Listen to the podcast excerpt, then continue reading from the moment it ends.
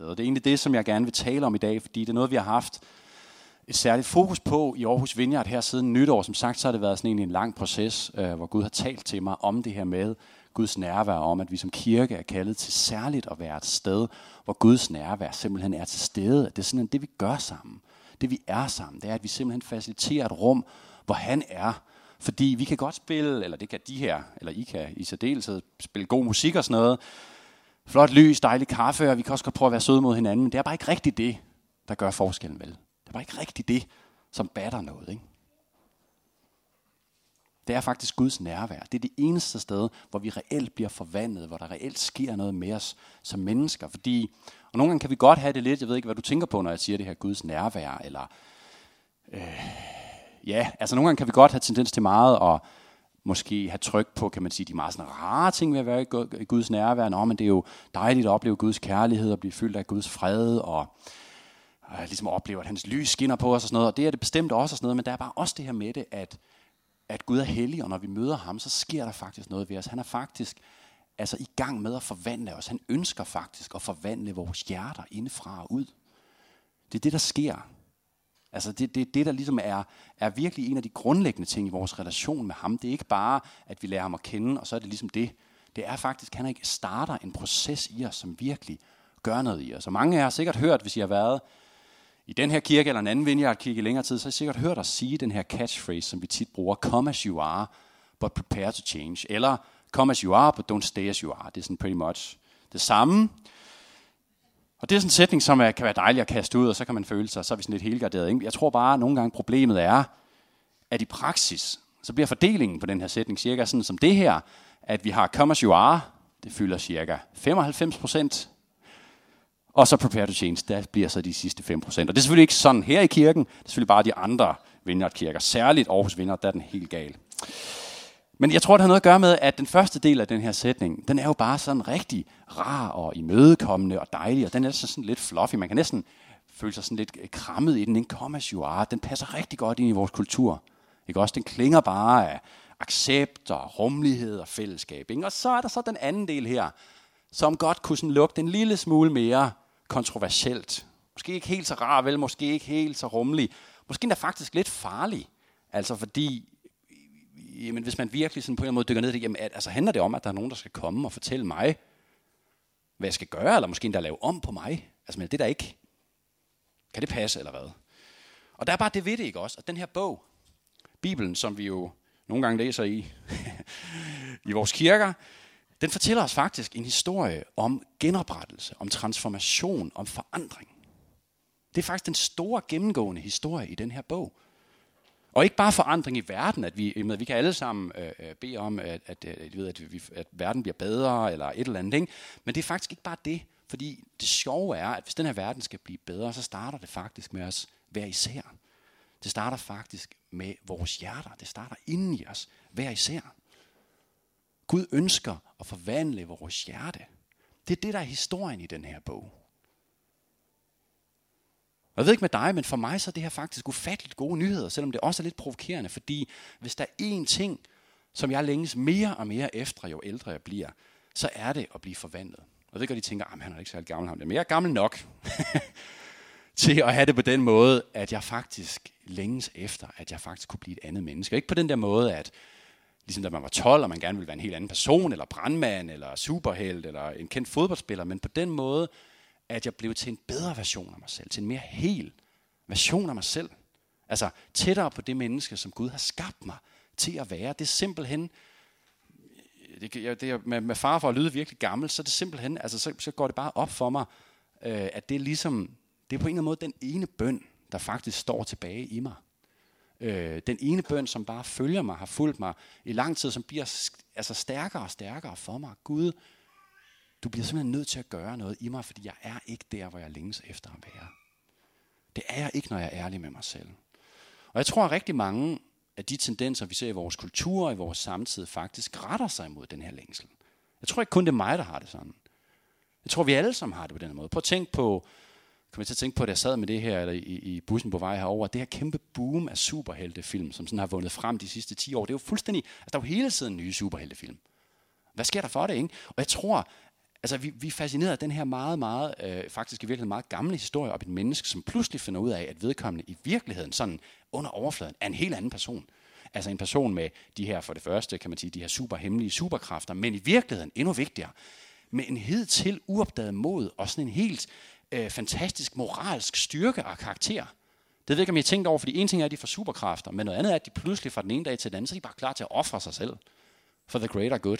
Og det er jo egentlig ikke, altså jamen, det er jo fint nok til superkræfter, men, men de går, altså, det er ligesom om det der følger med, ikke? Og jeg tror, at den historie er så appellerende for os, fordi vi i virkeligheden længes efter, at det kunne være os selv. At vi en dag vil på en eller anden måde vågne op, og så finde den her ting, inden jeg selv finder ud af, okay, jeg har, jeg er faktisk på bunden, eller hvad skal man sige, jeg er, jeg, har, jeg er faktisk et andet menneske. Jeg er faktisk et menneske, som øh, på en eller anden måde er klar til at stå op for noget. Jeg er et menneske, som faktisk, I ved, er anderledes, et bedre menneske.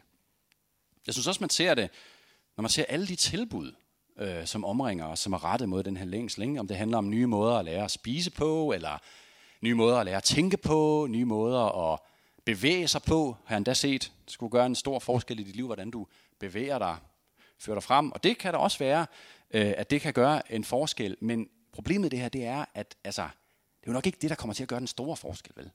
Det er, jo, det er jo helt klart og fint at være bevidst om, hvordan man spiser, eller tænker, eller bevæger og sådan noget, men det er jo ikke det, der gør den store forskel i os vel. Fordi i virkeligheden, så er det dybeste i os som mennesker, det er vores hjerter. Det er faktisk ikke vores tanker, eller vores følelser, eller vores fysik. Det ved jeg ikke, om du har tænkt over, men når Bibelen taler om det, så taler den om vores hjerte, som der, hvor vores vilje, der, hvor vores karakter sidder. Der, hvor vi virkelig tager de dybeste beslutninger.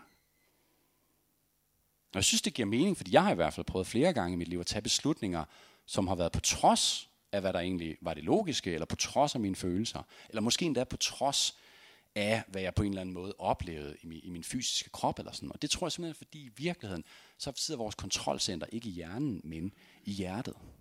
Og i ordsprogens bog, øh, som er sådan en sjov bog øh, i Bibelen, som er fyldt med gode råd og visdom og de fleste er gode, i hvert fald. Nogle er måske lidt forældede, Men der står øh, omkring kapitel 4 det her. Frem for alt, vogt dit hjerte, for derfra udgår livet. Og når der er en bog, som, øh, som ikke, altså er andet end gode råd og visdom, og der så pludselig står frem for alt, så betyder det, at man lige skal lytte ekstra godt efter, ikke? fordi nu kommer der noget, som faktisk er vigtigere end andet. Og det er det fordi, at som jeg sagde før i bibelsk forståelse, der er det faktisk vores hjerte, som er den dybeste autoritet i et menneskes liv. Det er simpelthen kontrolcentret. Og derfor så betyder det noget, hvad vi gør med det.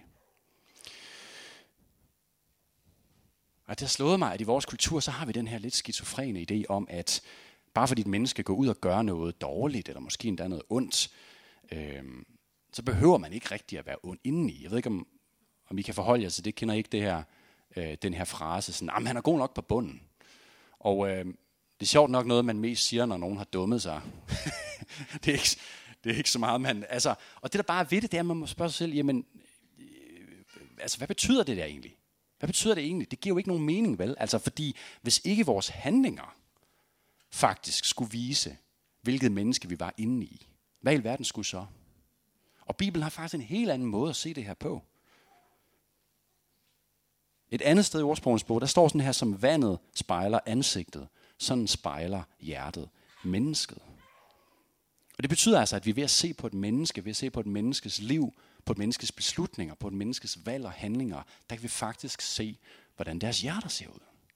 Så Bibelen siger, nej, der er faktisk en helt fuldstændig klar lineær sammenhæng imellem, hvordan vi ser ud indeni, og hvordan vi ser ud udenpå. Det er faktisk ret provokerende for os. Jesus siger i Matthæus kapitel 7, et godt træ kan ikke bære dårlige frugter, og et dårligt træ kan ikke bære gode frugter. Punktum. tak for det, Jesus. Den er lidt, jeg ved godt, den er lidt hård, ikke? Men det, der bare er problemet i det her, det er, at altså, jeg tror, kirken simpelthen er fejlet med at tale sandhed og guide vores kultur. Igennem alt for lang tid i forhold til det her. Igennem de sidste 100 år, tror jeg faktisk, vi fejlede med på en eller anden måde at fortælle, nej, der er faktisk der er faktisk en anden historie. Der er faktisk noget, øh, som er dybere end det her. Ikke? Fordi vi i kirken i alt, alt for mange år har fortalt en alt, alt for lille historie på en alt, alt for forsimplet måde. Øh, og den kan opsummere cirka sådan her. Gud er hellig, og mennesker er onde, så mennesker er fortabte. Men heldigvis har Gud offret sin søn på vores vegne, så vi kan slippe for at blive ramt af Guds vrede, og vi kan komme i himlen i stedet for helvede, når vi dør. Og det er jo ikke som sådan en forkert historie, vil jeg bare lige sige. Men det er en alt for forsimplet historie. Vil jeg våge at påstå. Og jeg vil faktisk våge at påstå, at det rammer faktisk ved siden af pointen. Nemlig, at Gud er faktisk ikke bare interesseret i at få os i himlen. Det er faktisk ikke det eneste, og ligesom eneste fokuspunkt for ham. Nej, han er faktisk interesseret i at genoprette os. Han er interesseret i at genoprette alting. Det er det, der er historien i den her bog. Gud han er ikke bare interesseret i at få os ind over himlens spærregrænse på en eller anden måde. Nej, han er faktisk interesseret i at transformere vores hjerter. Genoprette dem. Forvandle os. Og jeg tænkte over den her forsimplede historie, som vi nogle gange kommer til at fortælle om, hvad det egentlig er, der er evangeliet, og hvad der egentlig er historien i den her bog. Det er lidt ligesom en historie, øh, som jeg synes er meget god, øh, fordi jeg selv har fundet på den, som øh, kunne lyde nogenlunde sådan her. Hvis nu du forestiller sig, at øh, du var syg, og du har været syg noget tid, hvis du så er en er, er kvinde, så har du, Øh, går du sikkert til lægen måske efter en uges tid, eller sådan Hvis du er en mand, så går der cirka sted mellem to eller tre år, så får du taget dig sammen og går til lægen. Og, øh, og det gør du, fordi altså, du har godt tænkt over i noget tid, at det er ligesom om, der er noget galt. Ikke? Øh, du har godt lagt mærke til, at tingene ikke helt gik, som de skulle. Det var ligesom om, dine relationer lykkedes ikke rigtigt for dig. Du var bare ikke rigtig glad indeni. Øh, du har svært ved ligesom at finde mening ved noget, du har svært ved rigtig at nyde. Noget, som, du har faktisk du har faktisk noget der til, hvor du har svært ved at se pointen i egentlig at leve videre på den her måde. Som sider tager du så til lægen. Ikke? Så efter du er blevet undersøgt, så kommer lægen, som er Gud, bare en lille spoiler, øh, han kommer så ud til, til dig og stiller sin diagnose. Siger til dig, ja, øh, den er desværre helt gal med dit hjerte. Altså fuldstændig gal. Det er, det er fuldstændig proppet med egoisme, utaknemmelighed, ufred, begær og ondskab. Og øh, de dårlige nyheder, jeg har til dig, det er, at jeg kan faktisk ikke helbrede dig. Der findes simpelthen ikke nogen kur for noget den stil der. Altså, så du bliver nok nødt til at forberede dig på, at du kommer til at leve resten af dit liv med det hjerte der. Så du må øh, ligesom gøre dig klart, at du kommer til at leve et glædesløst lorteliv fyldt med ængstelighed, ufred, begær, travlhed, stress, depression og brudte relationer. Den gode nyhed derimod, det er, at når du har levet med det 81-90 år, så har jeg gjort sådan, at du kan blive levende igen, og så bliver alting helt anderledes. Så bliver det super fedt, så skal vi være på en sky, og vi skal synge CCM hele tiden, og det bliver, undskyld, det var lidt internt, CCM, det er sådan noget lovsang, man kan høre i USA. Så lige nu, øh, Marker, så må du så bare stramme dig lidt op og lige tage hjem og prøve at leve et så godt liv, som du nu kan med det lorte hjerte, du render rundt med. Og så ses vi igen om en 80-90 år, så ser vi på det der. Og hvis det var mig, som fik stillet den diagnose, så tror jeg nok, jeg vil sige, ja, øh, tak for det, jeg tror lige, jeg undersøger markedet for en anden læge. Og øh, det er jo sjovt, men det er også lidt tragisk, også fordi jeg tænker, måske ikke så mærkeligt, at folk ikke har så travlt med at komme i kirke, hvis det her det er det eneste svar, vi giver dem. Hvis den her forsimplede historie, det vi fortæller dem, altså er det virkelig svaret på mine problemer, at jeg en dag om 100 år skal synge lovsang på en sky? Jo, det er da fint nok, det lyder da dejligt, at Gud elsker mig, og kristne mennesker er da også meget søde at hænge ud med og sådan noget, men helt ærligt, er der ikke mere at komme efter end det? Jo, det er der jo. det er der jo ikke også, fordi Gud er jo ikke bare ude på at tage konsekvenserne af sygdommen nemlig døden vel for os. Han er selv i Jesus blevet en modgift. Han er blevet en antidote imod selve sygdommen, som er det, som Bibelen kalder for synd, som handler om, at vores hjerter dybest set I ved, er blevet forklagt ved og besat af egoisme. Ikke? Og netop derfor, så kommer Gud for at genoprette vores hjerter. Han kommer ikke bare at sørge for, at vi en dag skal leve evigt. Nej, han kommer for at genoprette vores hjerter. Hans mission er at genoprette alting. Men det begynder med vores hjerter. Og som jeg sagde før, så mener jeg, at kirken desværre i de sidste 100 år har simpelthen negligeret den her del af historien. Og jeg tror som en tragisk konsekvens af det, at rigtig mange af os faktisk har mistet troen på, at man faktisk kan forandre sig som mennesker sådan rigtigt. Jeg ved ikke, er der nogen af jer, som bliver rigtig overrasket, når man hører øh, om den ene eller efter den anden kendispræster, som crasher med utroskab, eller økonomisk svindel, eller et eller andet, der er værre? Jeg, jeg bliver ikke så meget, altså jeg bliver ikke rigtig overrasket længere. Jeg tror, det er et symptom på, at vi simpelthen mister troen på, at det her med at have en relation til Gud, det med at leve et liv sammen med Gud, at det rent faktisk skulle gøre noget dybt inden i os. Altså vi har mistet troen på, at vi rent faktisk kan blive til bedre mennesker. Og ikke bare i kirkerne har vi mistet den tro, vi kan se det ude i verden. Hele verden har mistet den, ikke? Så nu tager vi til højde med præsidenter og ledere med et moralsk niveau på højde med vuggestuebørns. Og det handler ikke om politik, vel? Jeg mener bare, det er symptomatisk, det her. Det er simpelthen symptomatisk. Vi har fuldstændig mistet troen på, at man kan ændre sig som mennesker. Og måske så er du her i dag, som har mistet troen på, at du faktisk kan ændre dig.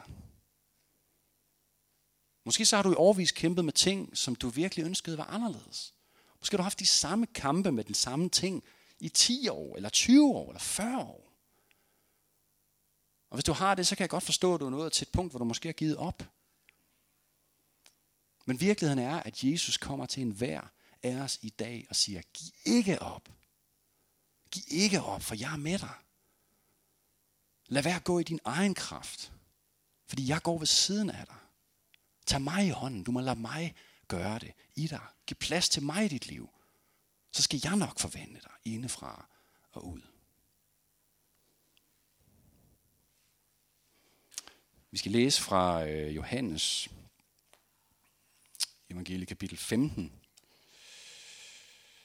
som handler om det her. Og øh, jeg ved ikke, om jeg er lidt op at køre. det, jeg håber ikke, vi bliver skræmt i hvert fald. Det er nok bare, fordi jeg er lidt øh,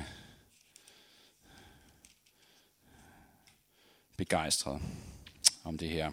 Det, er faktisk, det handler faktisk om, tror jeg, at, at Anne og mig, de fleste, jeg kender min kone, vi har været inde i sådan en sæson det sidste år, hvor, hvor, øh, som ikke har, det har ikke været det nemmeste år for os.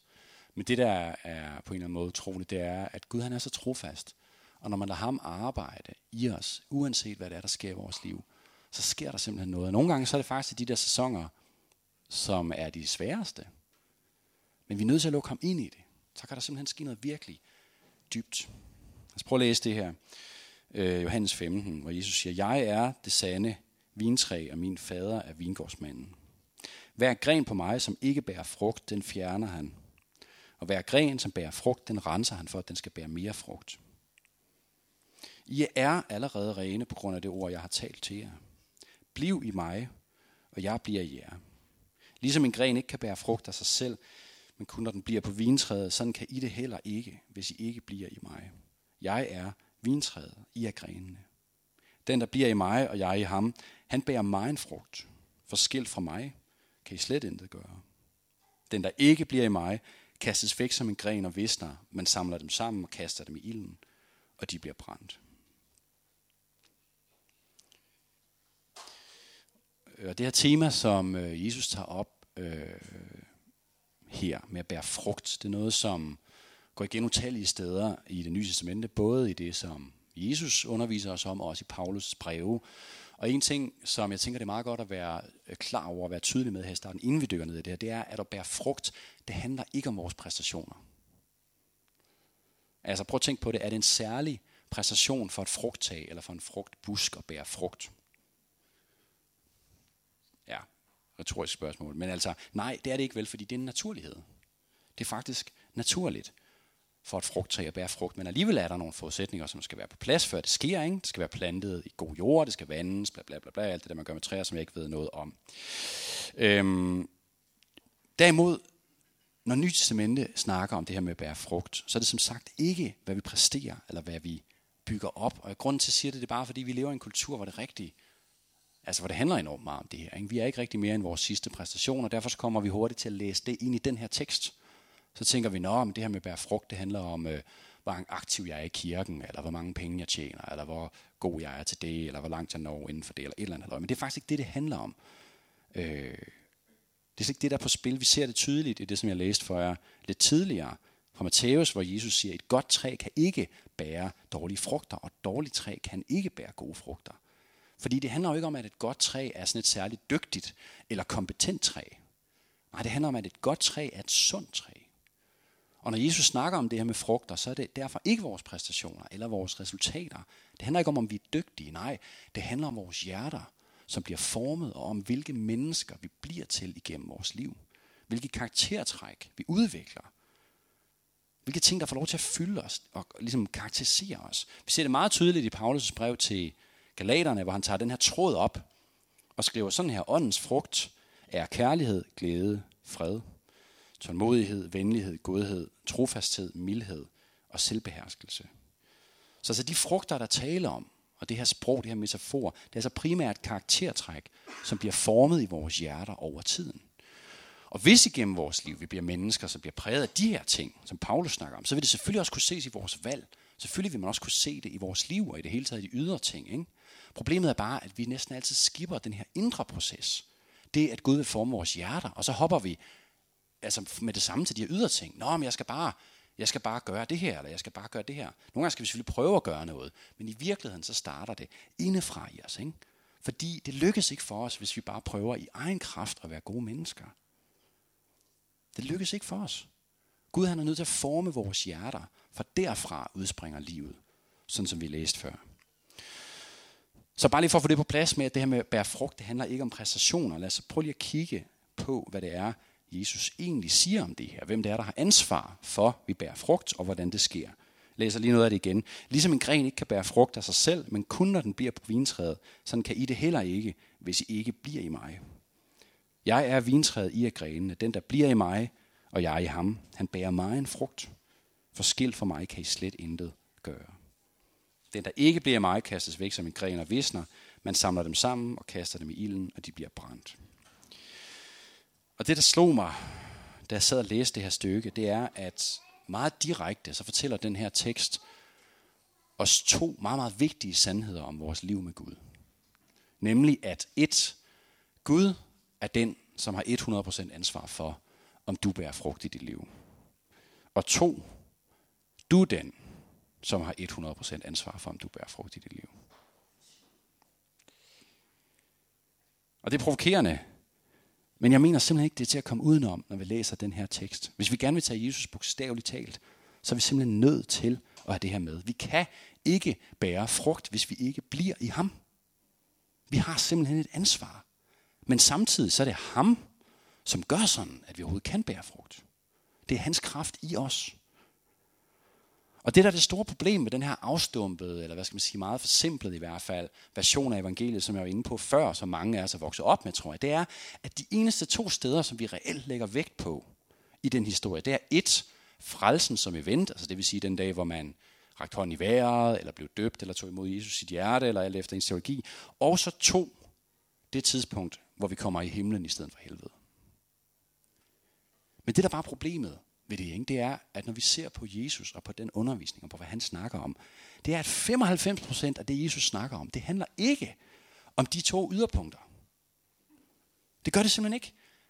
Det handler om alt det, der ligger midt imellem, nemlig den proces, hvor vi bliver transformeret, hvor vi bliver indlemmet mere og mere i Guds rige, hvis vi bliver i ham, hvor hans vilje kommer til at ske i os, og hvor vi, hvis vi bliver i ham, kommer til at bære mig en frugt.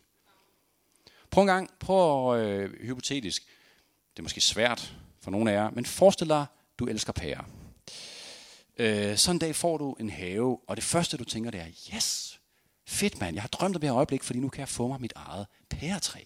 Så du køber sådan et fint lille pæretræ nede på planteskolen, og du planter dem hyggeligt i din have, går ind på YouTube og ser nogle videoer om pæretræ, hvad skal man gøre, det skal ned i jorden, der skal et eller andet rundt om, du vander det, og hver dag går du og kigger på det, og du glæder dig bare til det bærer pære. Så har du det træ i en, øh, et år, tre år, fem år, ti år. Der kommer bare lidt nogle. Mærkeligt.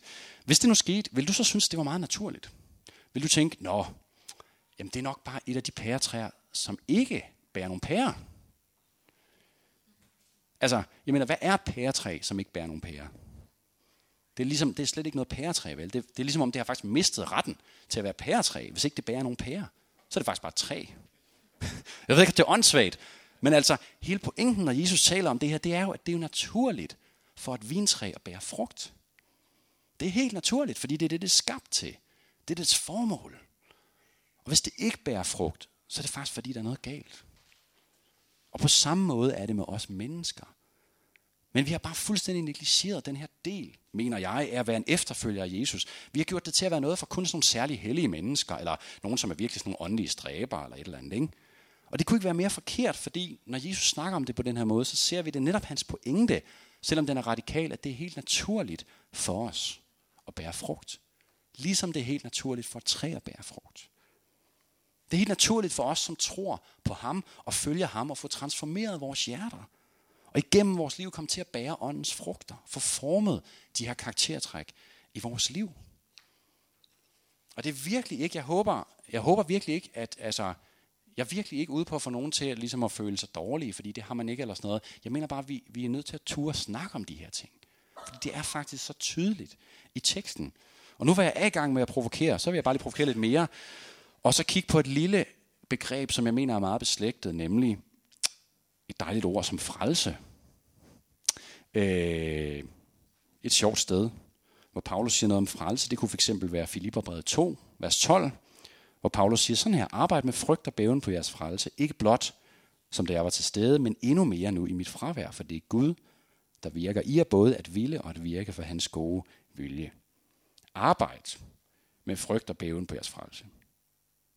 Og nu håber jeg så, at der er nogle af jer, som ligesom mig, bliver godt provokeret af gamle Paulus. Ikke? Fordi må I ikke har ligesom mig lært, at frelse, det er jo alene noget, som Gud gør. Og det er der kun noget, der sker én gang. Er det ikke det, eller hvad? Men hvis det er det, hvis det er rigtigt, hvad skal vi så mene om det her? Hvad skal vi så mene om det her? Arbejd med frygt og bæven på jeres frelse. Altså det er for det første noget, som er kontinuerligt, og det virker faktisk, som om vi på en eller anden mærkelig måde har en eller anden form for ansvar i det. Hvordan skal vi forstå det? Og jeg vil gerne lige slå fast, inden at, I, øh, at folk begynder at udvandre og bliver afskrevet som kætter og sådan noget. Selvfølgelig er det Gud, som frelser os. Selvfølgelig er det Gud, som frelser os. Vi kan ikke frelse os selv. Men jeg tror bare, at problemet er, at vi har gjort frelsen langt mindre, end den egentlig er. Fordi vi har gjort den til noget, som udelukkende handler om at komme i himlen. Netop om noget, som kan frelse os fra konsekvenserne af sygdommen. Men Guds frelse er ikke noget, som kun tager konsekvenserne af sygdommen. Vel? Altså af synden. Nej, det er noget, som har til intention at rykke, altså rykke den sygdom op med rode i vores liv. I dit og i mit liv, Guds frelse er ikke noget, Øh, øh, øh, altså som, som, som bare altså, var én gang. Nej, det er noget, som er begyndt og som er kontinuerligt i os, hvis vi lader det være. Det er noget, som arbejder i vores hjerter og i vores verden og transformerer os indefra og ud. Sådan så vi kommer til at bære frugt. Sådan så vi bliver genoprettet. Sådan så vi bliver forvandlet. Og sådan så den her verden bliver genoprettet og forvandlet. Præcis sådan som vi er skabt til. Ikke? Og sådan så vi kan være det folk, som Gud kalder os til at være i den her verden. For det kan vi slet ikke være i vores egen kraft. Men det, der er så sindssygt vigtigt at forstå, det er, at vi har på en eller anden måde, mærkelig måde, selv et ansvar i den frelse.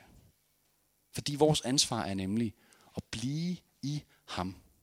Så han kan få lov til at arbejde i os hver eneste dag. Hvert eneste sekund af vores liv. Det er simpelthen det vigtigste, som overhovedet kan ske for os i det her liv. John Ortberg, som ja, nogle af jer sikkert har søgt på før, øh, siger sådan her i hans bog, The Life You've Always Wanted. Most of us have been trying to live the Christian life instead of training to live the Christian life.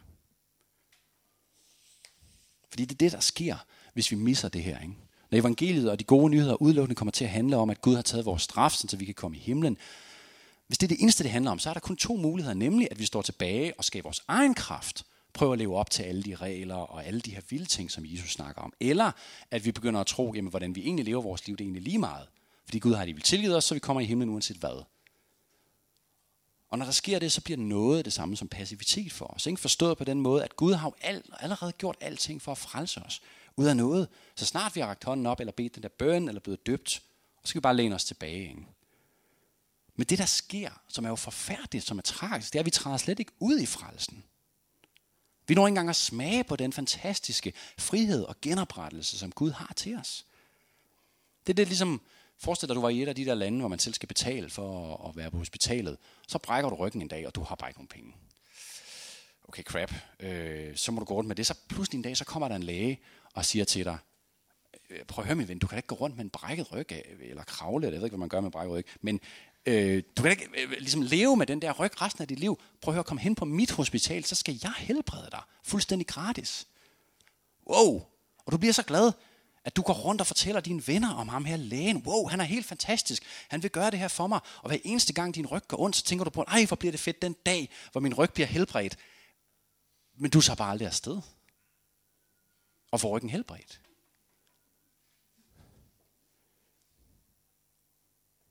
Dallas Willard, som er en af mine absolut yndlingsforfattere og teologer, han argumenterer for, jeg ved godt, det her er en lille smule nørdet, men jeg mener, det er vigtigt, at der siden 2. verdenskrig er sket et fatalt skred i det, man kunne kalde for den evangelikale kirke, som er langt størstedelen af den vestlige kristendom, som består i, at den frelse, som Gud giver os, er blevet separeret fra efterfølgelsen af Jesus.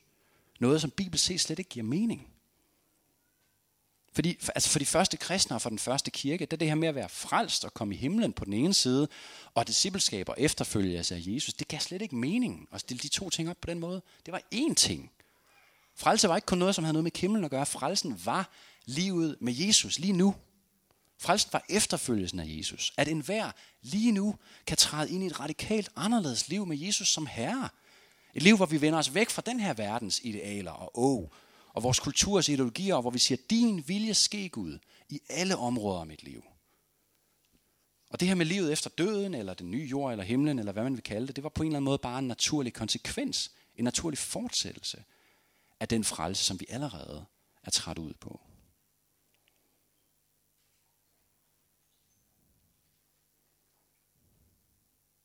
Han siger sådan her også, Dallas Willard, it's doctrine, og det er altså den evangelikale kirke, sådan bredt, of grace and salvation, altså som i to forskellige, kan man sige, kategorier, prevents it from developing an understanding of discipleship that makes discipleship, altså being with Jesus, learning to be like him, a natural part of salvation. Fordi de to ting er blevet skilt ad. Så det der ved det, det er, at ifølge Jesus og Paulus og Dallas Willard, så spiller vi faktisk en rolle. Vi har faktisk et ansvar i vores egen frelse. Ikke at forstå på den måde, at nogen af os kan gøre fortjent til det i vores egen kraft, eller vi kan gøre det i vores egen kraft, uanset hvor langt vi kommer. Det er slet ikke det vel. Nej, fordi det er udelukkende, det er ufortjent, og det er udelukkende af Guds nåde. Men forstået på den måde, at frelsen forstået som genoprettelse, som de frugter, Jesus vil fremelske i os, at der har vi faktisk et valg. Vi har faktisk et ansvar. Vi har et valg om, hvorvidt vi vil blive ham, eller ikke blive ham. Så man kan sige, det gode spørgsmål, som jeg ikke har så meget tid til at komme ind på, det er, hvordan bliver vi så i ham? Hvad betyder det at blive i Jesus? Og man kan sige, det er et ret simpelt billede. Fordi det betyder simpelthen, at vi holder os til Jesus, ligesom en gren holder sig til et træ. Det betyder simpelthen, at vi lever tæt sammen med Jesus i en voksende relation til ham. Og at vi ikke tager det sådan lidt færre, men at vi tværtimod prioriterer det. At vi disciplinerer og træner os selv i at være til stede sammen med ham, sådan så netop hans nærvær, vores relation til ham, det bliver det, der præger os, og det bliver det, som kendetegner os mere end noget andet. Og noget, jeg kom til at tænke på, jeg er egentlig færdig her, men noget, jeg kom til at tænke på, når man læser om Jesus i evangelierne, så prøv at tænke på, hvor meget tid han bruger på at være sammen med Gud. Prøv at tænke på, hvor disciplineret han er i forhold til at gå ud i stillhed, faste, bøn. Selv i de mest pressede situationer, selv når folk kommer og vil have helbredt deres børn og alt muligt, så er han sådan, nah, jeg skal lige bede, jeg skal, nu skal jeg bede. Så jeg må lige vente med de der børn. Sådan var han. Han var dybt disciplineret i forhold til netop det her med hans liv sammen med faderen. Og når han var nødt til at være det, altså hvordan er det så, vi tænker, at vi ikke er nødt til at være det?